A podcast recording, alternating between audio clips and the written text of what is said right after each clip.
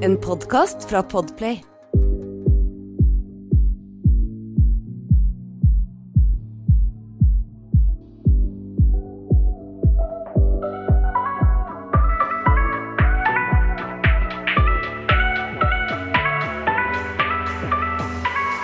Ja, ja, ja, det klokka 13.20 på halv to. og Stian, du er i studio, skulle vært her klokka ett. Men Ja.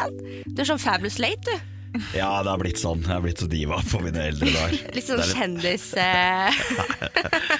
Altså, jeg begynner å bli såpass gammel at jeg liksom eh, føler at det kan være innafor bare ta den tida man trenger. Nei, var, toget var litt sent framme, altså sjekka inn på hotellet, og så var det litt kø når jeg skulle sjekke inn på hotellet, og så bare sklidde det litt ut. Beklager. Jeg, jeg er ikke så veldig fan av folk som ikke kommer til tida.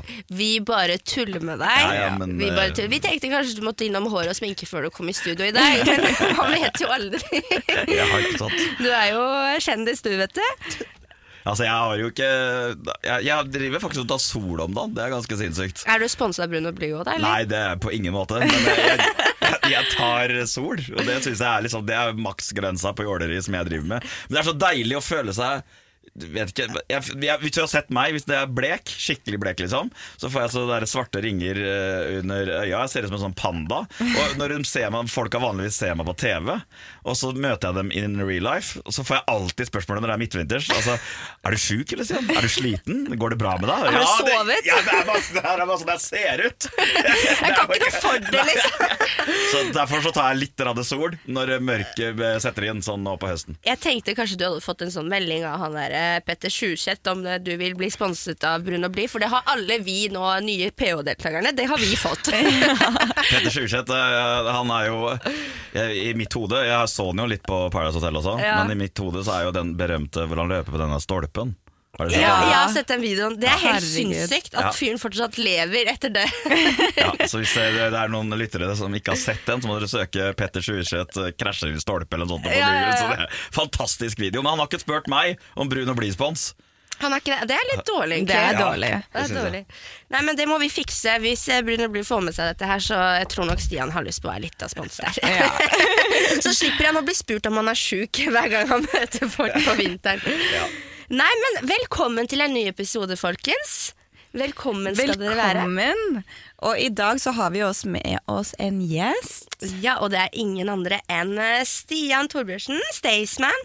Han er da en norsk artist, forfatter, låtskriver, programleder i NRK og TV-personlighet. Eh, har jeg glemt noe da? For du er Du, Du er alt, du, Du Stian. alt, du, Stian.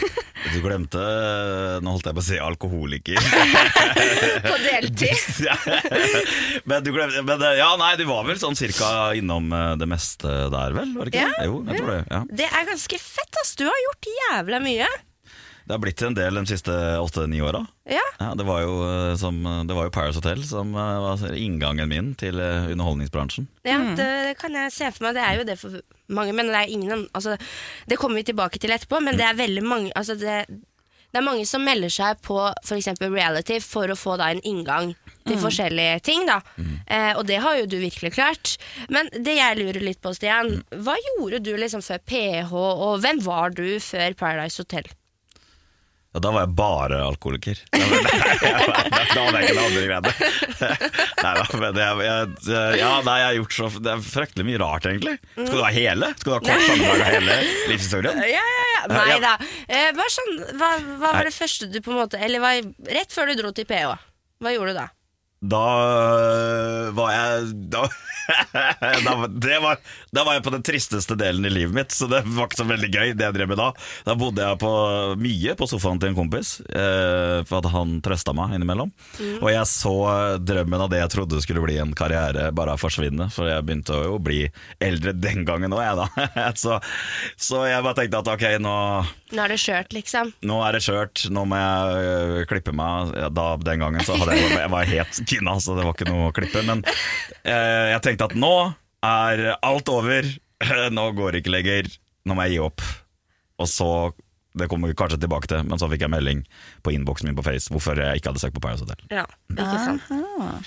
Og det var da et lite sånn uh, lys i tunnelen. Nei, altså Først så tenkte jeg jo ikke det i det hele tatt. Jeg tenkte jo Med en gang så tenkte jeg at uh, har, har det klikka for vedkommende? Hvorfor skal jeg være med der? Jeg trodde det var sånne sixpack-gutter som var med på Paradise Hotel. Det Det, er jo det for det meste, Ja. men uh, det er akkurat det. du endra jo hele det opplegget. Jo, men, men da tenkte jeg ikke sånn. Jeg lurte, jeg trodde jeg klikka for dem, så jeg tenkte at det var gøy å være første tjukke på Paradise Hotel. Og bare første overvektige. Jeg tenkte det skulle bli sånne hatgrupper og sånn på Facebook. Sånn der få tjukkestian ut av Paradise. Og det lo jeg så mye av, så tenkte jeg at det varer jo bare en uke likevel. Så jeg kan jo bare hive meg på det her som et siste eventyr, da. Før voksenlivet starter. Og så gikk det ikke sånn. For Hva hadde du tenkt da, liksom, hvis ikke du hadde blitt med på Paradise Hotel? Hadde du tenkt da å begynne på noen studier, eller hadde du tenkt å liksom søke en ordentlig jobb? Eller ordentlig, har- ordentlig jobb, det er forskjellige definisjoner på det, men Ja, men det, Jeg har prøvd studiegreier før. Jeg slutta skolen da jeg var 16-17. ja, for det var ikke noe for deg. Nei, Og så prøvde jeg å ta allmenn påbygg da jeg var 25. Og det var heller ikke noe for meg. Mm. Nei, Så skole har du bare stryket bort. Ja, altså jeg tror mest sannsynlig så Og det her mener jeg ingenting negativt med, for jeg kosa meg skikkelig i den jobben. Jeg jobba jo på øh, bensinstasjon, Eh, og det, men øh, det elska jeg jo. Å bare stå bak kassa, jeg trikse med noen pølseklyper, drive med mersalg og sånn. Det digga jeg. Så mest sannsynlig har jeg jobba kanskje noe sånt noe innen salg osv. og så videre. Ja, kundeservice, det å på en måte møte folk direkte kontakt, da. Ja. Det er noe du tri hadde trivdes med. Ja. Ja. Men det er jo litt det du gjør nå også, for Ja. du står og liksom fremfører for mange tusen. Og, så du er jo på en måte innenfor du, du leverer en viss tjeneste til noen andre folk. Da. Ja, egentlig det jeg føler kanskje at jeg, hvis jeg, hvis jeg, jeg har ikke så veldig mye talenter. Altså jeg var liksom, vi, skulle strekke, vi skulle sjekke hvor langt du kunne strekke den derre eh, det å ikke ha noe talent, da, hvor langt man kan dra den strikken. Ikke sant? Jeg har ikke noe naturlig programledertalent. Jeg, jeg kan jo ikke synge så forbanna bra. Men det jeg har, som jeg tør å si, at jeg tør å påstå, at jeg har nok kanskje et slags selgerstalent. da. Ja. at jeg kan Ja. selge meg sjøl eh, bra. Eh, liksom. Du byr utrolig mye på deg selv, det er ikke noe å legge skyld på. Det så man jo både Altså det har man jo sett på alt du har vært med på. At Ja. du er en person som ikke holder eh, på kruttet, holdt jeg på å si. Du byr kjempemye på deg selv, og er en Altså, de fleste kjenner deg som en kjempejovial, eh, åpen, eh, morsom type, da. Eh, og det er jo Så du, det, å, det å by på seg selv, det klarer du veldig fint. Ja, det. Jo, tusen hjertelig takk. Du er jo en entertainer, og altså det at du ikke er så flink til å synge Du, du vet, du var russekongen min når eh, jeg var uh, russ. Altså, du opptredde på alle Ja, Da var jeg vel nok ganske, kjørte jeg ganske hardt opp mot russesegmentet. Ja. Ja. Når, når var du russ? Eh, 2014, tror jeg det var. Ja, ikke sant? Da, Mm, Det var, det var, det var Staysman overalt, liksom. Så ja, da var jo Tix den gangen sånn, eh, liksom, Han var jo DJ-en min den gangen. Så, ja, ja, så Han var med meg rundt i to og et halvt, tre år. Shit. Helt til Tix eh, laga eh, Sjeiken. Ja. Og da, var jo, da ble det begynte å bli håpløst å ha med. For da var sånn der, Han skulle spille noen låter først, og da sto jo liksom kidsa der og bare «Øy, vi skulle ha mer av Tix. Og da jeg bare sånn, Tix, nå må, du, nå må du bare drive sjøl. Du, kan- du kan ikke være med oss lenger. Nå får du bare ta Norge med storm. Og det gjorde Men det han gjorde Han Han tok jo hele oppmerksomhet. Ja, det var, det var en periode der hvor jeg var liksom sånn Jeg bare hørte jeg sto bak der og alle bare tics, tics, Og så begynte å synge på Sjeiken og, Så det var sånn der Ok, nå kan ikke du stå og varme opp For, for oss lenger nå må, du, nå må du komme deg ut på veien Men eh, ja, nei, altså jeg, jeg, Det som er tingen da hvis du, Det som pleier å funke hvis jeg får en mikrofon og blir plassert på en scene Så pleier det å funke Og Ja. det som er viktig så, eh, Kan jeg være sånn innspo-dude til alle kids der ute Det er ikke nødvendigvis om du kan synge da eller, Men hvis du går opp på en scene og du fremstår med masse selvtillit og liksom tenker at i det øyeblikket du går opp der, at du er kongen, da er det veldig få som kan ta deg på det. Men er du usikker, så blir du tatt på det med en gang. Ja, det er det. Du må bare eie, eie det, liksom. Korrekt. Det er nettopp det. Men vi kan Så jo si det, det er veldig mange PH-deltakere som har kommet ut med Ja, låter det er det som si. absolutt ikke har tatt eh, Norge med storm i forhold til det, er du har gjort, Stian. Det er det jeg skulle si. Det er, eh, det er håp for alle så lenge du eier det og tenker at du er kongen når du først står og fremfører. Ja, ja, ja. Ja, Men man må ha litt talent òg, føler jeg. Det må liksom være noe ekstra med den personen. Fordi det, det er veldig mange PH-deltakere som har kommet ut med låt og har vært liksom sånn Å, dette her er dritbra, dette her blir liksom the hit. Og så er det liksom noen streams i starten, og så døde den karrieren, liksom. Jeg tror det er evnen til å eie sjangeren Ja. og eie det du holder Ja, det- på med, det har veldig mye å si. Det som var perfekt for meg, eh, det, det var en, bare en perfekt symbiose. Fordi jeg hadde laget, jeg hadde vært på veien i fem år før Paradise Hotel, og jeg hadde laga rølpemusikk helt fra starten, siden jeg var 16-17 år gammel.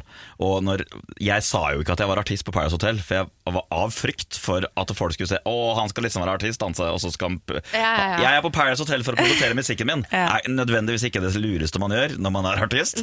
Så det er bedre å bare ta det som en bonus hvis det går. Så Mm. på Paradise Hotel så sto det at jeg var entertainer, ikke musiker. Så mye smartere. For da slipper du å få liksom hate, hate for at folk skal liksom være sånn ah, men han er bare på PH for, som Ja, du sier ja. da, for å fremme musikken hans. Og så tenkte jeg at det funka hvis det funka, og så funka det. Og da funka jo musikken også, så det, det, var en, eh, det var en bra måte å gjøre det på. Ja, ikke sant? Jeg tenkte, jeg sa jo på, på PH at jeg var flyvertinne. Jeg håpa på å få litt, sånn, litt mer trøkk på flybransjen, men det var jo bare å drite i, for det var jo korona. Så det er i hvert fall ikke mer trøkk. Men Nei eh, Stian, Ja. altså før PH, Ja. så jeg, jeg kunne aldri i mine tanker tro at det her skjedde, men du var jo faktisk i krigen i Ja, Afghanistan. Det var det faktisk jeg som fortalte, Sanja. At eh, det var Jeg satt rundt middagsbordet med fattern, og så sa jeg liksom det at ja, Stian han skal gjeste oss her, jeg syns jo det var kult og stas, og så måtte jeg fortelle det til fem, femmen, da. Og da sa han ja, men Jasmin, jeg lurer på en ting om Stian, for jeg vet jo, han har jo fått det med seg, at du, som Sanja sier, da, at du før alt det her så har du hatt en helt annen livsstil. Du har vært nærmest en helt annen mann, nesten. Ja, Altså, det, det er jo litt har- å ta i, men uh, jeg har gjort noe helt annet som uh, Jeg var jo i Forsvaret i seks, år. Fem-seks år. Og selvfølgelig, det jo, står jo kanskje litt i kontrast til å å være Paradise-Stian, på en måte. Ja, veldig. Jo, jo, men samtidig så jeg klarer ikke å helt altså, altså, Jeg tror dem som var i Forsvaret med meg, dem ser ikke en annen Stian på Paradise Hotel enn den de kjente i ja, for de Forsvaret. kjente Du, var, du har liksom alltid vært den joviale typ, typen. Uansett. Nei, jeg var liksom sånn entertainermessig. Jeg lagde jo konserter eh, Jeg hadde jo konserter i leirene jeg var Oi! i. Og jeg hadde eget radioshow eh, som gikk hver fredag, i hvert fall i- i Kosovo. da For jeg Først var i Nord-Norge, og så var jeg en liten tur på Sørlandet. Og så var jeg 13 måneder i Kosovo, og så var jeg et år hjemme. Og så, eh, litt morsom historie for så vidt, at jeg jeg festa så mye det året mens jeg jobba i militæret, men jeg hadde sånn talent at jeg alltid kom meg på jobb. Ja. Så jeg fikk alltid skryt. Men etter et år så var jeg så sliten at, av all den festinga hjemme i Norge at jeg liksom Nå må du ta deg litt pause. Og så ringer de meg opp eh, tre-fire måneder etterpå og lurte på om jeg ville være med på rehab til Afghanistan, for da fikk du ikke lov til å drikke i det hele tatt. så da uh, kasta jeg meg på, og så dro jeg til Afghanistan eh, og var der i fem måneder. Og- Og så dro jeg hjem og så holdt noen foredrag om den tida. Om den tida. Ja. Men åssen var det når du var der nede? Jeg, kan aldri for, jeg, ikke, jeg klarer ikke å forestille meg åssen det er å være i en krig, liksom. Ja. Åssen er det? Ja, det, det kan jeg si Altså det føles Når jeg var der nede i 2004 Så var det jo noen år etter liksom, Den verste krigføringa Vi var jo mer som en sånn fredsbevarende Fredsoppretten på en måte, styrke Så det var litt sånn Det som var verst der nede når jeg var der Det var jo den uh, usynlige uh, fienden For at problemet der var At trusselbildet var jo selvmordsbombere og eh, sånne IEDs, som det kalles, sånne Improvised Explosive Devices, eh, som ligger langs veien og som kan gå av. Og Mm. Det er jo ting du ikke kan forsvare deg mot. Nei. Så du fikk jo et sånn tidlig feeling på at uh, du, du måtte liksom bruke masse galgenhumor og sånn. Og vi Ja. hadde En av de første tingene jeg opplevde der nede, var Vi hadde en morgenbrief, og det var første patruljen vi skulle på. Og da hadde de fått inn etterretning om at det var en selvmordsbomber som kjørte en, en gul taxi. Og Vi dro ut på patrulje den dagen, og jeg sto jo opp av eh, luka eh, på den sånn eh, vi brukte. Jeg hadde maskingevær opp av luka. Og så jeg hadde best oversikt. Og da sto vi midt nede i en trafikkork eh, nede i Kabul, Kabul sentrum. Og så sier lagføreren min til meg at «Du, ser du noen sånne gule taxier? Og da telte jeg sikkert 70-80 gule taxier. og, rundt meg. og da tenkte jeg sånn at det her hvis vi er, Det er rett og slett sånn. Du måtte sette deg inn i En modus. ja, og tenke sånn Hvis du er på feil sted til feil tid, så går det til granskauen. Og så får vi bare håpe at man ikke er det. Men eh, den der angsten med å- For her i Norge så har vi har jo det veldig trygt. Vi behøver aldri å tenke på sånne type ting. Altså det her, Nede i Afghanistan for eksempel, så er det jo hverdagen til eh, sivile folk. Og alltid gå rundt og passe seg, og den frykten med at i dag kan være den siste dagen. Og det er jo litt sånn du lever når du er der nede, da. Eh, og ja, og er og tjener landet, liksom. Så det høres jo helt Altså For meg så høres det så fjernt ut, for det er liksom bare noe jeg har sett Altså som man ser på TV og hører om i avisa. Men det å faktisk være i situasjonen, det må være å, Og det å ta med seg hele den opplevelsen hjem igjen, har du liksom kjent på at Altså, hva skal jeg si, traume rundt det, og det at du ofte Altså, da du kom hjem, var du ofte redd Var du fortsatt i det moduset, da? At du fortsatt var redd og passa deg for og Ja. Ja, ja, jeg skjønner hva du mener. Jeg, jeg, altså, for det første så føler jeg jo på en sånn bisarr måte at det er veldig mange unge i Norge som eh, hadde hatt godt av en sånn tur. Det hadde sikkert jeg. Altså, jeg starta jo voksenlivet mitt med to sånne turer. Fordi at man ser hvordan det er andre deler av verden. Altså, jeg er så vant til å bo her i landet hvor alt er Du er jo så sydd puter under ja, armene man er så bortskjemt, Ja. liksom. Brekker man benet i Afghanistan, da kan man ikke jobbe, da. Og da får man ikke penger. Så jeg, liksom, jeg prøvde å fortelle ene tolken min liksom, hvordan det, det funka når jeg kom hjem fra Afghanistan. Så sa jeg at jeg kan melde meg på et sted som heter A-etat den gangen. Så gammel er jeg. Det heter Nav i dag. Og da, og da fortalte liksom hva jeg kunne få eh, for å ikke gjøre en dritt. da Ja. Selv om det var selvforskyldt òg. Liksom, jeg, jeg kunne bare velge å ikke jobbe, og så få, ikke få, penger. da Han var helt sjokkert. Og det å, men det å jeg, Det er sånn derre når jeg kommer hjem, så setter man, setter man jo ekstrem pris på det landet man bor i. Og så samtidig som man blir litt frustrert over alle som klager over fullstendig bagatellting. Ja. Så du skulle bare visst, liksom, for du har jo sett det verste av det verste. Ja, så du ser jo en verden som er uh... En helt annen enn vår, da.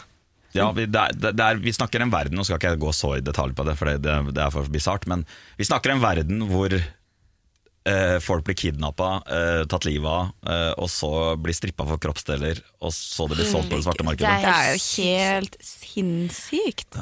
Så det er jo, det er jo en, eh, Men- en, det er en mørk del av verden. Ja. Eh, samtidig så ser man jo også Du skal ikke bare liksom eh, For meg så var i Afghanistan Det folket der var et veldig sånn Selvfølgelig kvinnesyn og sånn lå jo noen tusen år tilbake, men fryktelig sånn arbeidsomme folk som prøvde hele tida å se det positive uh, i situasjonen de var i. Og, ja. ja, og det som kanskje ga meg mest motivasjon der nede, var jo å se at uh, nå, når vi var der nede og var fredsbevarende, så prøvde de liksom å tenke enda litt lenger enn de har gjort Ja, ja, tidligere. For før så var de så vant til at det endte opp uansett i en konflikt. Ja. Som, så det, det var liksom sånn Du trengte nesten ikke å bygge på det huset ditt. For det, det huset ble bomba i en eller annen konflikt en eller annen gang. Mens nå kunne de tenke litt fremover, og det ga meg i hvert fall eh, det, gjorde, det var fint å være der nede og føle at man gjorde, utgjorde en forskjell. Ja, og det, det, det kan jeg tenke meg, for man får jo utrolig mye livsglede av det også. Eh, og bare det å Ja, man, da tror jeg man liksom setter mye mer pris på hva man faktisk har, og i, i hvilket land man bor i, da, når man har vært i slike omstendigheter. Men har du da i ettertid For eh, du kom jo tilbake til Norge, og da eh, Hvor lang tid tok det da mellom da at du var i Afghanistan til du var på Paradise Hotel? Ja, det var en del år. Det, Det var, var vel, det var jo seks, syv, åtte år. Ja. Ja. For det er ganske stor kontrast, det òg. Men da var du ganske ung da, da du var i Afghanistan? da. Jeg dro til Forsvaret da jeg var. 18 år. Mm. Så jeg var, eh, var ikke gamle karen. Jeg synes, nå syns jeg det er helt bisart. Jeg ser bilder av meg sjøl fra Kosovo spesielt. da Jeg er 19 år gammel. Jeg har maskingevær og et lass og Jeg har pistol. Og du er 19 år, turer rundt der nede. I Norge får ikke politiet lov til å ha våpen på deg engang. Og så er du 19 år, ja da er det greit så lenge du er i et annet land. Men kan jeg spørre om en ting? Ja. Eh, Du gikk med maskingevær og pistol og alt mulig. Måtte du noen gang ty til å bruke det? Nei, altså det, man måtte bruke det til ofte. Som det som, du har jo sånn herre det, det her er militærnerding, da. Men det er sånne eskaleringsnivåer. Okay. Så det, ikke sant? Du, du, går jo I Kosovo så går du med ulada våpen. Å, ja. Så det liksom, du kan ta Altså Første steget er jo at du bare sier 'nå gir du deg'. Andre steget er jo at du tar ladegrep. På, og hvis de ikke gir seg da Tredje steget er at du sikter. Ja. Og fjerde steget er at du skyter. Så det er flere Det er punkter du skal gjennom før du faktisk styr til Før du faktisk skyter. Og de fleste mennesker skjønner det at hvis noen tar et ladegrep på et våpen, så ok, vi gir oss. Ja, ja, Så. Men det er derfor du kan se for eksempel eh, Nå har vi sånn Utenrikspodden, eller eh, hva skal vi kalle det her? Men, det, det som er, men det som er tingen er at vi, du kan se Akkurat når det kommer til eskaleringstrinna, Mm. så kan du for eksempel Det var en demonstrasjon i Göteborg, tror jeg det var, Mm. eh, hvor du, den politimann skyter en som kaster mursten. Og det, det virker veldig sånn eh, d- brutalt at noen skyter noen som kaster stein. Ja. Men det jeg antar har skjedd der. At han har gått gjennom alle de eskaleringstrinna. Ja. Og når han ikke slutter å kaste murstein da, og du har retta Mm. våpenet mot den, så er du nesten lost. For hvis du ikke tør å skyte da, Skyte, nei, er så vil jo alle rundt den se at oi, han, den skyter du ikke allikevel. Det er Ja. bare til å kaste. Ja, der er det jo bare å gjøre. Ja, han tør ikke, liksom. Han tør ikke å la, fy- han tør ikke å la være til slutt. Ikke sant? Ja. Og, derfor, og når han da skyter, så kan man selvfølgelig Det er jo ikke nødvendigvis at det er så bra, men det, det er nok et konsekvens av det. Og hadde jeg blitt redd nok selv, da, og du hadde gått gjennom alle trinna, Mm. hva skal du gjøre? De gir seg ikke. Men hadde dere på en måte sikta på et sted der hvor du ikke dreper mennesker, liksom? Altså Det ligger ikke det- naturlig for noen mennesker å d- sikte dødelig, uansett. Nei, Nei, det ligger ikke i vår natur, Nei. rett og slett. Og i hvert fall ikke når du er en norsk 19-åring. 20 eller 21. Ja, så det, det der er et sånt uh, jeg, jeg er ganske sikker på Eller jeg vet at Fordi det er det det handler om å trene. Vi trener jo worst case scenarioer før du drar, sånn på repeat hele tida. Fordi panikk, det er jo når du ikke vet hva du skal gjøre. Mens Ja. panikkreaksjonen din, hvis du har trent på en ting nok ganger, så blir den panikkreaksjonen gjort om til at man gjør det man har trent på. Ja. Så Derfor så trener man så mye. Så jeg tror nok det Og det, det merka jeg noen ganger Det går på var, autopilot, ja, pilot, når det var nærmest. stressa situasjoner. Ja. Så bare gikk du inn i en sånn modus hvor alt gikk på autopilot. Og så Mm. kunne du tenke herregud, gjorde vi det riktig? Og så var liksom alt etter boka. For du hadde trent så mye på det i utgangspunktet. Ja, ja, ja. Det er det så er sykt, rutiner altså. og ja. Det er veldig kult å høre at Stian Staysman har liksom vært gjennom alle disse tingene. Det er en helt annen virkelighet. Jeg, jeg, jeg blir eh, sjokkert, men det er veldig veldig kult. Veldig kult å Og veldig kult at du deler også såpass mye om det. For det, det er jo Altså, det, jeg kan ikke se for meg at det er så veldig lett å prate om heller. Det er lettere nå enn det var, for det var lenge så var det sånn jeg ikke ville snakke om hele den tida der i det hele tatt. For jeg var så fryktelig redd for at øh, Å, se på han, skal liksom sk mm. skryte av den tida. Men så jeg, begynte jeg å gjøre det offentlig i 2016. Og så var det bare så masse sånne veteraner og sånn da, som syntes det var så fint at jeg liksom var ansiktet utad for dem. Og, Ja. og det var liksom så masse ting som skjedde, og det, det var jo øh, øh, også, Der snakka jeg jo i 2016 også om det å miste en kompis da, i utenlandstjeneste. Ja, også, det skal jeg til å spørre om òg, for Ja. det må, kan ikke ha vært lett. Nei, og det var i hvert fall ikke eh, lett å, det, det som var rart med det, å dra det opp så mange år etterpå. Når jeg skulle snakke om det offentlig for første gang, så var det litt sånn Du merka at det var ubehandla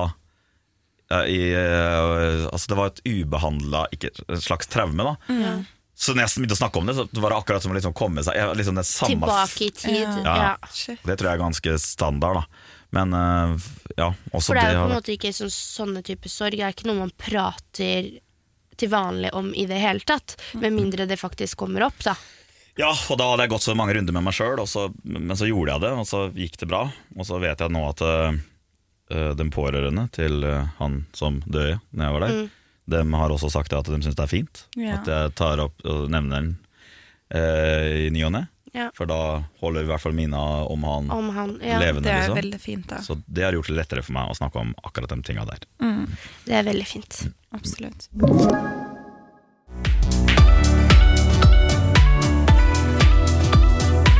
Men eh, Stian, altså sesongen din var seriøst legendarisk, syns jeg. Altså Sesong fire er en som Det er en sesong som man alltid kommer til å huske, og du er jo en karakter man definitivt alltid kommer til å huske. Du er liksom ikonet for uh, PH nå, føler Ja, jeg. det, ja, det, er hyggelig at du sier det. det. Er litt vanskelig å sette seg inn i å, og liksom være et uh, ikon, men det som jeg føler, er jo at eh, liksom, sesong fire det var noe litt spesielt. Men, men jeg tror det handler om flere ting enn nødvendigvis Eller ja, jeg, jeg har liksom hatt Den gikk jo på lineær TV. Og det, det har litt å si. Eh, for det blir liksom en annen greie når folk samles i en sofa. Det er kanskje noe jeg føler fordi jeg Nei, er men det er helt sant. For vår sesong òg gikk på TV, men den sesongen som går nå, den Ja. gjør ikke det. Den går bare kun på Viafree og Viaplay. Og det, jeg, jeg har gjort meg en mening om at jeg tror det at sesongen deres også ble så sinnssykt bra som den ble, at den hadde et stort spektre av forskjellige folk. Den hadde både forskjellige fasonger, øh, og da eh, i forskjell, altså, folk i all, altså alle mulige typer folk var med, og de holdt seg ikke til det der trygge altså det der typiske folk som, skal, som ser bra ut på skjerm. Altså, skjønner du hva jeg mener? Ja. For det er litt sånn, jeg føler at det har blitt litt sånn nå, at uh, TV-kanalene er litt redde for å gå utafor de typiske uh, folka som tar seg bra ut eh, på skjermen. Det, Ja, det- Bikinidamene og vaskebrettgutta. Jeg føler sjøl at sesong fire, det som kanskje gjorde at det funka, det kan ha vært tilfeldigheter også, men jeg føler sjøl at den casten ble booka på, på, på, på bakgrunn av personlighet, og ikke nødvendigvis bakgrunn av utseende. Og så tror jeg også det er noe med uh, Vi hadde Kristin Gjelsvik der, blant annet. Og som, hun var vel 25 den gangen, og jeg var eldre. Altså, ja, jeg Ja, det vet var ikke. litt eldre folk med også. Altså, I sesongen vår var det jo til og med en 19-åring liksom, var ikke gammel nok til å drikke sprit engang. Og det, men det er litt sånn jeg, jeg kan, Det jeg har sagt en del ganger, er at det, når du er 19, 20, 21 Jeg husker jo meg sjøl. Du har ikke funnet deg sjøl. Du vet Nei, ikke hvem du er er ennå. Ja, og når du har bikka 25, så har du definert deg sjøl som person. Da vet du liksom hvor dine grenser går, og du vet hva du kan gjøre, og hva du kan stå i og ikke. Det blir jo bedre. Og derfor så tror jeg ofte at det da, da sklir det Kan det skli ut, men det kan også bidra til at liksom folk eh, Ja, jeg Folk er mer selvsikre, da. Og Ja. når du er mer selvsikker så i deg selv og trygg på deg selv, så byr du jo enda mer på deg selv, fordi du vet hva du står for uansett. Mm. Mens når du har yngre folk da på skjermen, så er jo ikke det folk som er helt ferdig Altså, hva skal Nei, jeg si? nei, men det er akkurat det. Ja. det er- og du får litt sånn, sånn, sånn, sånn det var jo litt tilfeller av i min sesong også. Ikke sant? For Mm. De unge gutta der De var så sykt opptatt fra dag én at nå skal vi lage god TV. Og det det egentlig så blir det bare kleint. Det er sånn «Ja, Bli med med oss eh, og runk på dass, Stian, spør meg om. ikke sant? Ja, ja. Hva- hvorfor, jeg sitter der. Hvorfor skal jeg være med dere på dass? Ja, vi skal lage god TV, liksom! Ja, ja, ja. men, altså, det, det, er ikke nødvendigvis det som blir best TV, da. Nei. Det som blir best TV på et sånt realityshow, er jo de tinga som er 100 ekte. Ja, Ja. relasjonene mellom folk. Ja, ja. Og, ja, for Og sånn var det humor, litt- da. Og humor. Ja, ja. Det sånn var jo så mye humor der. Men Hallo. i vår sesong, det var jo litt sånn Husker du, jeg var litt på sånn Gutta i meg så jeg bare, herregud, så barnslig det er. Mm. Jeg sa jo det hele tida. For de skulle hele tida styre og ordne og skulle lage TV. Og bare sånn Ja, nå tar vi runkekonkurranse først om å, runke, om å komme. Og det er så Hvorfor skal dere gjøre det? Hadde du gjort det her hjemme i Norge? Nei, men vi skal lage TV. Ja. Men det syke da er selvfølgelig at jeg har jo vært involvert i hendelser som man tenker eh, Gjorde man det for å lage god TV? Men det verste er at det gjorde man ikke. Det er det derre Northug, eh, alle de tinga der, Ja. eh, med, eh, som eh, Ja, er igjen, nye lyttere må google seg fram til. Det, det er noe helt annet. Ja, men det kødder ikke! Vi hadde gjort det hjemme. Det er det som er tingen. Da var jo alt Det var jo ikke åtte eller ni eller noe sånt. Så det, vi hadde det så jækla gøy, så det der kunne faktisk skjedd hjemme. Men det, det er jo lættis, for det er noe helt annet. Det er, det er faktisk en, et scenario som faktisk kan skje hjemme. Men et scenario hvor et, en guttegjeng går inn og så har runkekonkurranse, Ja, er, det, er det noe Ja, og så ofte så blir det Jeg vet fall ikke, jeg er ikke gutt, så jeg, Nei, men det- altså, jeg vet ofte- ikke hva dere gutta holder på med på fritida. Altså det, det var vel noe sånt på ungdomsskolen eller et eller annet og det er vel sånn forlengelse av det da. Men jeg, nei, jeg vet ikke. Sesong fire var uh, sikkert uh, bra. Den var den bra. dukker opp stadig vekk som et sånt eksempel, men som dere har sett, da. så det var liksom så mye sånne der morsomme ting som kom opp, sånn catchphrases. Og det var liksom Sånn som historien til Iselin med Ja. liksom rekene. Altså, det var så mye morsomt. De bringet liksom skikkelig humor på TV, og jeg føler også veien til hjertet til det norske folk er jo også mye humor. Mm. Det Og, og det at du kan relatere også, og det var mye man kunne relatere til til den sesongen. da Mm. Det følte jeg i hvert fall. Eh, Jeg syns personlig at, eh, som Sanja sier, at den sesongen var absolutt den beste, og det har jo eh, Det tror jeg har med da veldig mye av at, folk- at TV-kanalen ikke tenkte så mye på utseendet da, men tenkte mer på personlighet, Personlighet. som du har sagt nå. Og det tror jeg den vinner veldig på, så jeg håper den vokser litt fra det igjen, og bringer flere morsomme personligheter på skjermen enn folk som ser superbra ut. ja. Men Stian, du, det, altså, det var jo helt en annen tid også, når dere kom hjem. I forhold til når vi kom hjem. Vi kom hjem rett til lockdown. Vi har ikke fått vite egentlig hva er å være med på Paradise Hotel. Ja, dere det, vet du, dere syns jeg faktisk litt synd på. Dere kom, hjem, dere kom til hjem til lockdown, og Mats Hansen. Ja, på altså det isteden, liksom. For det første, da du kom ut av PH For det Ja. var ikke noe Mats Hansen da. Det var ikke noe lockdown da. Altså, Fortell oss, hva kom du hjem til? Var det liksom ut på byen, man fikk betalt for å være, for å være med og for bare å feste? Altså, Ja. hvordan, hvordan var alt det her? Ja, det var vel litt den der klisjeen, da, at man kom hjem, og så øh, var det eh, kaos med en gang. Vi fikk jo liksom tilbud med en gang om å dra på de festene. Da, som, Ja. Men eh, det var vel basically sånn at du fikk betalt i drikke. eh, og sånn Ja. og, da, og da var ikke jeg med, for jeg skulle spille konserter. Å, ja. Så jeg, jeg, jeg eh, tips til fremtidige deltakere. Ikke bli med på noe gratis. Ta dere litt betalt. Men problemet er at når halve casten blir med på det gratis, så, så er man litt så like langt. Jeg husker at Det var sånn kamp jeg måtte ha inni meg. For at det var sånn der, De ringte og spurte, alle Paradise-deltakerne skulle, og jeg var sånn Nei, jeg skal ha 10 000 for å komme, og hotellrom. Og da kan jeg heller spille et par låter. Og da bare lo det mamma. Men så visste jeg hvor langt jeg kom, Ja. så den telefonen kom jo tilbake. Ja, og da sant. fikk jeg brått betalt og ingen andre. Men eh, Så det er liksom noe jeg skulle ønske at Paradise-deltakere hadde klart å gått sammen i en sånn felles Chat, og så bare Ei, vi, Vi legger oss på en list, da, så for at vi kan da For markedsverdien er så mye høyere enn det et ungt menneske som kommer ut av Paradise Hotel, forstår sjøl. Det merker jo vi til veldig godt nå også. Altså helt ærlig, Det er jo vanskelig å være på markedet med folk. fordi det, ja, det er jo som du sier, Noen gjør det helt gratis, og så da blir det mye vanskeligere å være den som skal kreve. Ja, ja. Og sette ned beina og bare Nei, men vet du hva, det her er faktisk en jobb, det òg. Jeg må få betalt. Uh, det er ikke så lett. Nei, det forstår jeg godt. Og så tenker man at hvis man ikke gjør det, så ryker den muligheten. Og så brått så kommer en ny sesong med noe, og så har man egentlig bare sagt nei til masse kule ting som man kunne gjort. Så, så det er litt sånn der, det handler litt om hva man vil, og hvor man vil. Og da finne balansen der òg, liksom. ja, For noen har jo den ambisjonen at ok, vi skal av skjermen, og så skal vi ha det gøy et halvt år, og så skal vi begynne å jobbe eller studere igjen, og så Mm. gå tilbake til normalen. Men hvis man har ambisjoner utover det, at man har lyst til å for jobbe med TV i underholdningsbransjen, så tror jeg det er lurt å kanskje tenke litt på hvordan man spiller korta sine. Ja, Definitivt. og allerede da kanskje sette en liten prislapp på seg selv. Det kan være smart, og det gjelder alt fra Ja. annonsører til eh, sånne som skal ha dere på et eh, utested og, og mm. Men du kom jo hjem med eh, litt penger også. Du, du fikk jo penger. Du fikk Ja. jo 100 000 du, av Vidar-Lill. Ja, ja, det gjorde jeg. Ja, det syns jeg også var fortjent. Du gjorde jo halve sesongen nesten, så har, du, du har vel fortsatt kontakt med Vidar Lill? Ja da. Det er fortsatt gode venner? Ja, Ja. det så bra. Moro, da.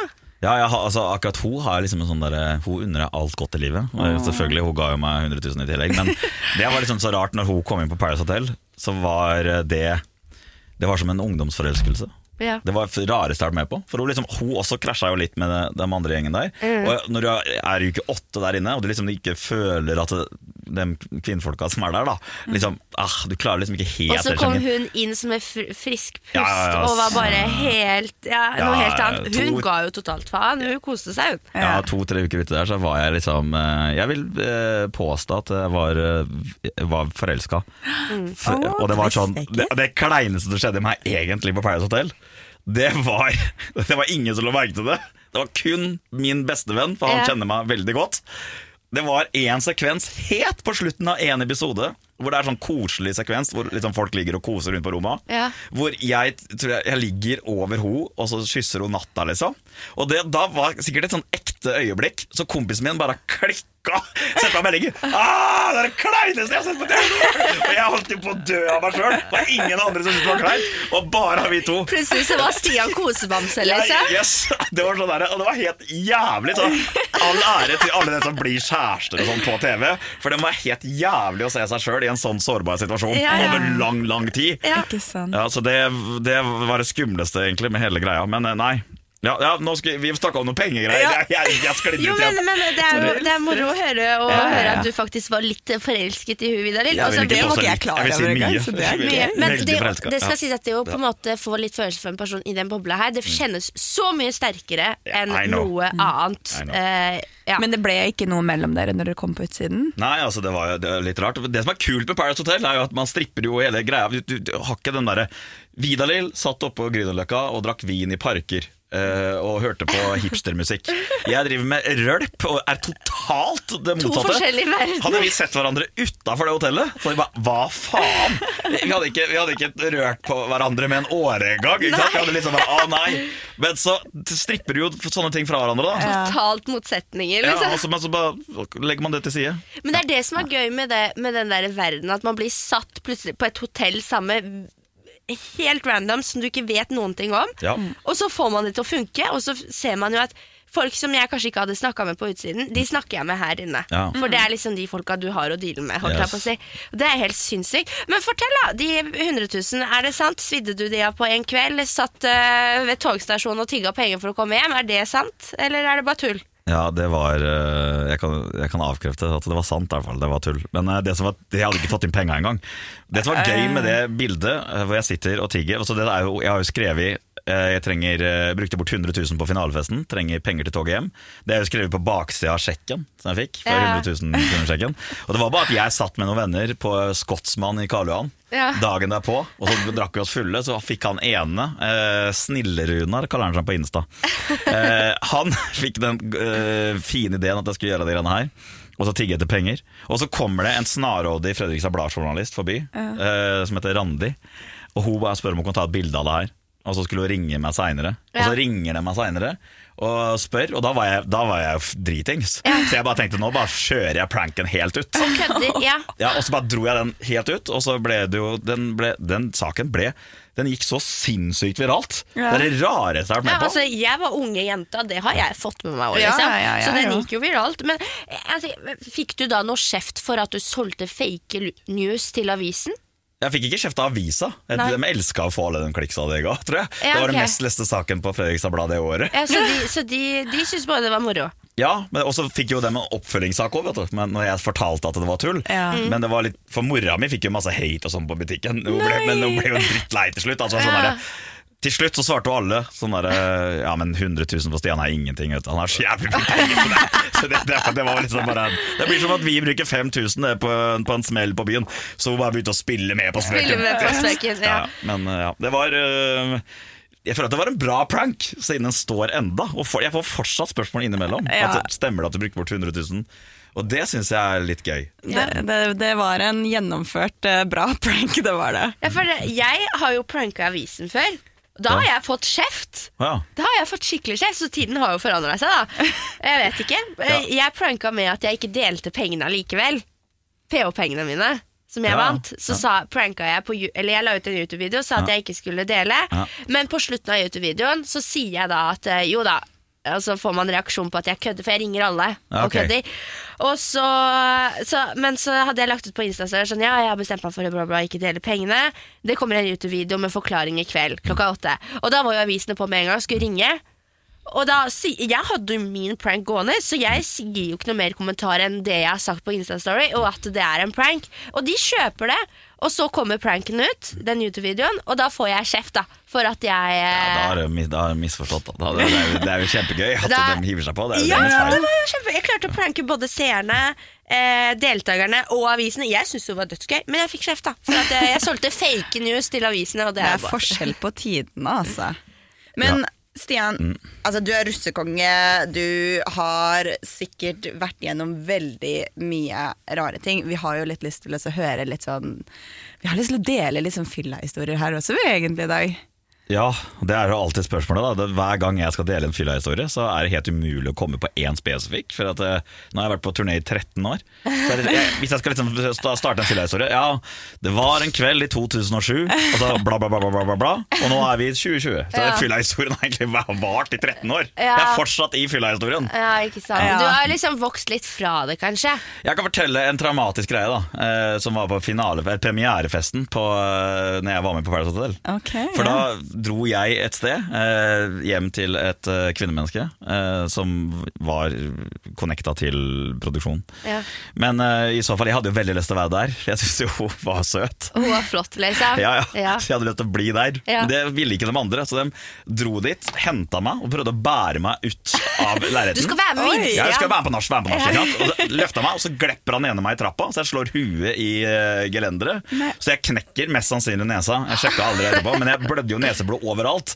Men på en måte så var jeg glad for at det skjedde, for da slapp jeg jo å være med på det Og så nachet. fikk du bli hos surfrukta. Ja, og da fikk jeg trøst sånn der. Å, det er noe synd på deg, ikke sant? Ja. Ja. Også, men eh, det var ikke noe Det, det, det, skjedde Det var ikke noe, liksom. noe Nei, det traumatiske her, det var, det var dagen derpå. For jeg hadde jo på meg dress og hvit skjorte som jeg hadde blødd helt ned. Ja. Og jeg tenkte at nei, det Og så noe måtte du gå hjem. korrekt. Og jeg, jeg gikk jo ut av den kåken. Og det, ja, du vet, du går jo fra en anonym tilværelse hvor ok, hvem er han rare mannen som har masse blod på skjorta, og så tenker ikke folk noe mer på det. ikke sant? Ok, han gikk sikkert på fylla i går. Ja. Kommer ut av den kåken, og det første jeg møter, det er en ungdomsgjeng som bare som hadde fått med seg premiera. og jeg bare å faen! Og så skulle jeg ta trikk, og det er siste gangen jeg tok trikk Ja, ja, ja. I, mitt, i mitt liv. Jeg har Oi. aldri tatt trikk etterpå. Etter det. Her, kanskje én gang. Traume for å ta trikk, du nå. Ja, det har jeg. Og for da, jeg gikk på bord på den trikken med blod over hele den hvite skjorta mi og dressen, og satte meg på der. Klokka Det, det her var vel da på en eh, Det var midt i rushen. Så, så det var liksom sånn alle satt, og alle titta og sånne der smugbilder, og jeg bare Fy faen, jeg har hatt av livet! Så, Det kan jeg skjønne. Og jeg blir, jeg må bare si jeg blir varm i hjertet når jeg hører sånn Olle, for jeg er også fra Fredrikstad. Så det blir sånn, å, det er så godt å høre Fredrikstad og Østfold-dialekta. ja, det er jo deilig å representere øh, byen sin. Ja. Jeg, jeg har lagt fra meg dialekta, så jeg syns det er litt kjipt. Ja, for jeg, det tenkte ikke jeg på, at du var fra Fredrikstad. Nei, jeg er jo det. Men du hører bare når jeg sier sånn Toll og Olle og sånn. Ja. Deilig. Mm. Men så moro, Stian. Da fikk dere fylla-historie. Fylla-historie. Så masse blod på skjorta. Folk må ha trodd at du har vært uh, Jeg er litt av krig. Holdt jeg på å si, Nå skal jeg ikke kødde om krig, for du har faktisk så, Men uh, Hørtes ut ja. som en hard dag derpå. Det var en meget hard dag på. Jeg tror faktisk jeg har Den har jeg traumer for enda, akkurat den der. Ja, Den, den, den, sit- den godt. sitter i, altså. Det skjønner jeg. Hva med deg, Sanja? Har du noe lættis? Altså, Jeg har jo en historie der hvor jeg bare Jeg klarer jo ikke Tequila noe mer, og jeg elsket det. Og det skjedde i København, fordi det var da en søndag. Det var også en dagen derpå, egentlig, men som endte med å bli en skikkelig heftig fyllekule. Fordi eh, det var noen venner av oss som kom til eh, København og um, besøkte oss der. Og vi satte oss på en pub. De hadde ikke noe annet enn øl og whisky, og det liker ikke jeg. Men de hadde tequila, og det likte jeg veldig godt. Så jeg bestilte fem tequilaer, og til alle, da. Sånn at vi skulle ta én hver. Men så var det ingen som ville ha, fordi det hadde vært liksom vi Så da fikk du alle sjæl? Ja. Klassisk felle. det. Det ender med at de drar, søsteren min drar tilbake til hotellet, jeg blir med henne, og jeg bare nei, fy fader, jeg var jo gira, for jeg hadde jo tatt alle de fem shotene. Jeg bare nei, nå skal jeg ut! Og han bartenderen på denne puben, han var jo litt sånn, drev oss og ja, var litt sånn snill og snakka og sånn, så jeg dro rett tilbake til puben. Og da endte opp med at jeg møtte en fyr på veien, en araber som kom med Google Translator på telefonen og liksom prøvde å prate med meg. Jeg bare å nei, å nei. Så jeg kommer inn på den baren, og jeg bare setter meg med en random fyr. Og jeg bare kan jeg være så snill å sitte her, liksom, fordi det er en crazy fyr som følger etter meg. Og dette er en australsk dude, og vi begynner å shotte, og vi bare sitter der og shotter og shotter og shotter, og så kommer en En helt britisk- random person? Ja, en helt random person. Så kommer det en brite bort, og eh, vi sitter der bare og shotter. Vi får Tequila for én krone av bartenderen. Og det går jo så ille, så når klokka er sju, så klarer jeg å komme meg tilbake til hotellet på et eller annet vis. Og jeg er så full. Jeg har sikkert slått ned 30 Tequila-shots ikke sant? aleine. Og jeg, Søsteren min ser jo at jeg er drita Rita. Hun går ut og kjøper mat til meg. Og jeg begynner også å få vondt i årene mine. Blodårene mine. Jeg, bare, og jeg friker jo, så jeg setter meg ved doen. Jeg klarer ikke å sitte oppreist engang. Jeg må sitte og holde fast i doen. Og jeg bare fuck, jeg tror jeg kommer til å dø. Jeg tror jeg er forgifta. Så jeg ringer 911, og de bare for jeg er i Danmark, jeg visste ikke hva jeg skulle ringe. Og de bare uh, 'Is there an emergency?' Og jeg bare uh, 'I'm drunk'.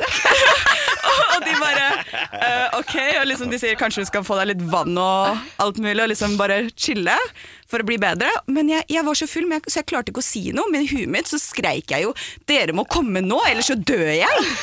Men de bare, og det eneste jeg klarer å svare, bare sånn Ok, og de legger på på meg, og søsteren min kommer med burger til meg, og da jeg sitter og holder fast i denne doen. Jeg tar tak i burgeren. da- du dass, da, eller? Nei, jeg slipper hånda fra doen, selv om jeg sitter rett oppreist. Jeg er så full. Så når jeg tar tak i den, øh, den burgeren, så ender det med at jeg mister balansen, selv om jeg sitter av en eller annen grunn. Og jeg bare smeller i gulvet, passer ut, våkner opp dagen etterpå med burgeren stuck i hånda mi. Så den er liksom stiv og hard, og jeg bare kjenner at jeg bare øh, øh, det, det var Jeg klarer ikke jeg klarer ikke lukta av tequila egentlig engang. Så tequila er no go. Ikke Nå ja, er tequila no go. det er- ja, enig. Det er den verste fylla-historien jeg har hatt. Å, fy fader. Jeg har litt sånn som deg, jeg, Stian, med litt sånn blod på skjorta, men det er helt andre grunner. Jeg har fått blod på nipplene. ok. All right. Ja. Og, ja, ok. Så greia er at jeg har da eh, hatt på meg en sånn skjorte. Og så har den gnissa på nippla, så at jeg da har laget sår på nippla. Og Jeg blir jo full, og plutselig så ser jeg ned på skjorta, jeg har hvit skjorte, og så bare ser jeg liksom to røde De som har kommet på skjorta. Og jeg er ute på byen, og jeg bare Hva i alle dager? Og jeg er jo full, så jeg tenker det verste med en gang. Jeg bare, Folkens, jeg må hjem. Ja, jeg blør fra nipla, liksom. Hva er det som skjer? Jeg tok ikke det at jeg hadde gnissa ikke sant, på nipla i flere timer. Så jeg går jo hjem og tenker nå skal jeg legge meg, og så skal jeg sjekke det her ut i morgen. Men så har jeg ikke nøkkel, så jeg kommer meg ikke inn i leiligheten. Prøver å ringe vennene mine, men alle er ute på byen, ingen svarer meg, så jeg kommer meg ikke inn i leiligheten. Jeg kommer meg ikke hjem. Jeg skulle på jobb da tolv timer senere, for jeg skulle ut og fly. Og så, hva gjør jeg? Folk kommer meg jo ikke inn, så jeg går jo bare går opp to etasjer opp og banker på hos naboene for å prøve å få en sofa jeg kan sove hos, bare en random nabo. Og da er det da en nabo som åpner klokka tre på natta, og hun eh, Så står jeg der da med to altså, rød eh, rundinger på puppa, blod eh, på skjorta, da, og hun åpner og er litt sånn eh, Hun trodde jeg var en, en Tinder-jente som hadde kommet til feil Du, jeg skulle, at jeg skulle på Tinder, at jeg hadde banka på hos feil. Så hun var sånn typ, Du skal kanskje til de gutta som bor ved siden av. Nei, nei, nei, du, jeg er låst ute, jeg blør på nippla, jeg vet ikke hva som skjer, kan jeg låne en sofa? Våkne dagen etter og bare angster litt for at jeg skal på jobb. Kommer meg fortsatt ikke inn i leiligheten, måtte ringe sjuk på jobb. Eh, Så drar jeg på legevakta og forteller at jeg ble på nippla. Da de er sånn Du, jenta mi, jeg tror det er skjorta di. Så da følte jeg meg litt dum, da. Så ja, det var jeg litt da jeg kom. Vent. såre brystvorter det er et helvete, ass. Det er jævlig vondt! Jeg, jeg har sånn der lederhosen jeg dro og spiller i noen ganger, og så står jeg i baris, og den, den gnikker jo der. Helvete på turné sist gang jeg hadde på den hele sommeren. Jeg måtte ha sånn derre sånn der ammekrem vet du, som man kjøper når man jeg, måtte, smøre- jeg måtte smøre meg med det. Man boobsa. Ja, vet du, Man boobsa var helt fucka, liksom. Så ja. Ah, Så Så du har hatt eh, blødende nipler, du òg? Ja, jeg har hatt såre nipler, så det var mer enn nok. Jeg kan tenke meg åssen det er når en blør. Det må være jævlig. Det var helt jævlig. Men du, Stian, vi syns det er dritfett at du har besøkt oss i studio i dag. Vi har handla inn litt. Ja, vi har noen gaver til deg. Oi, det er sinnssykt, Det er ikke store greier, Nei, men det er nok noe du er litt kjent med og liker veldig godt. Ja. Du kan egentlig ta en titt oppi den posen her. Ja, jeg, jeg kimser noe jeg liker veldig godt først her. Å, nydelig! Øl og Grandis. Yes. Jeg tar meg øl nå, jeg. Jeg gjør det. Smell opp. Og forresten, jeg så på God morgen Nei, God kveld Norge. Da sier du at du drikker light. Når du først skal drike, hive på litt flere øl på turné og sånn. Er det sånn at Så- du kan spise mer pizza, eller? Ja, Du drikker light øl, så det jeg kan spise med pizza. Det. Det er, ja, men det er mitt tips. eh, Som eh, helse, jeg er jo Helsedirektoratets ansikt utad nå. Det sto det jo i VG. Og jeg gikk jo tur med Bent Høie, så mitt tips er å bare gå masse turer. For nå går jeg turer hele jævla tida. Ja. Aldri følt meg bedre. Og drikker like mye øl som før. Men da light. Ja, lite øl hvis jeg er i en sånn sunn Jeg kan kose meg med sånn Frydenlund fatøl innimellom. Ja, ikke sant? Ja, men det er nydelig. Det er moro, men folkens det, jeg Tusen tror- takk. Ja, det skulle bare mangle. Takk for at du hadde lyst til å komme inn her i dag. Det var så gøy, altså. Ja, det her var i hvert fall eh, for dagens episode. Ja. Veldig moro å ha med en gjest. Du, var, du er jo tross alt vår første gjest, eh, så dette har vi ikke gjort før. Oh, ja, Premieregjest. Og greier. For oss, da. Så det har vært kjempemoro. Og eh, folkens, takk for at dere hørte på denne episoden av podkasten. Vi Ja. håper dere syns det var like moro som oss, det å ha Stian her i studio. Og hvis dere har en dritkul fyllahistorie, så gjerne send oss det i DM på Instagram, fordi vi vil gjerne høre deres historier også. Husk at eh, Instagram vår heter Dagen derpå med to a-er og understrek. Yes. Det er bare å sende inn. Eh, Og vi er tilbake allerede neste søndag igjen. det er vi, og det gleder vi oss masse til. Yes. Takk for at du hørte på. Takk for at du hørte på.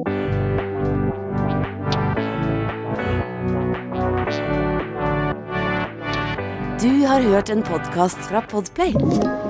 En enklere måte å høre podkast på. Last ned appen Podplay eller se podplay.no.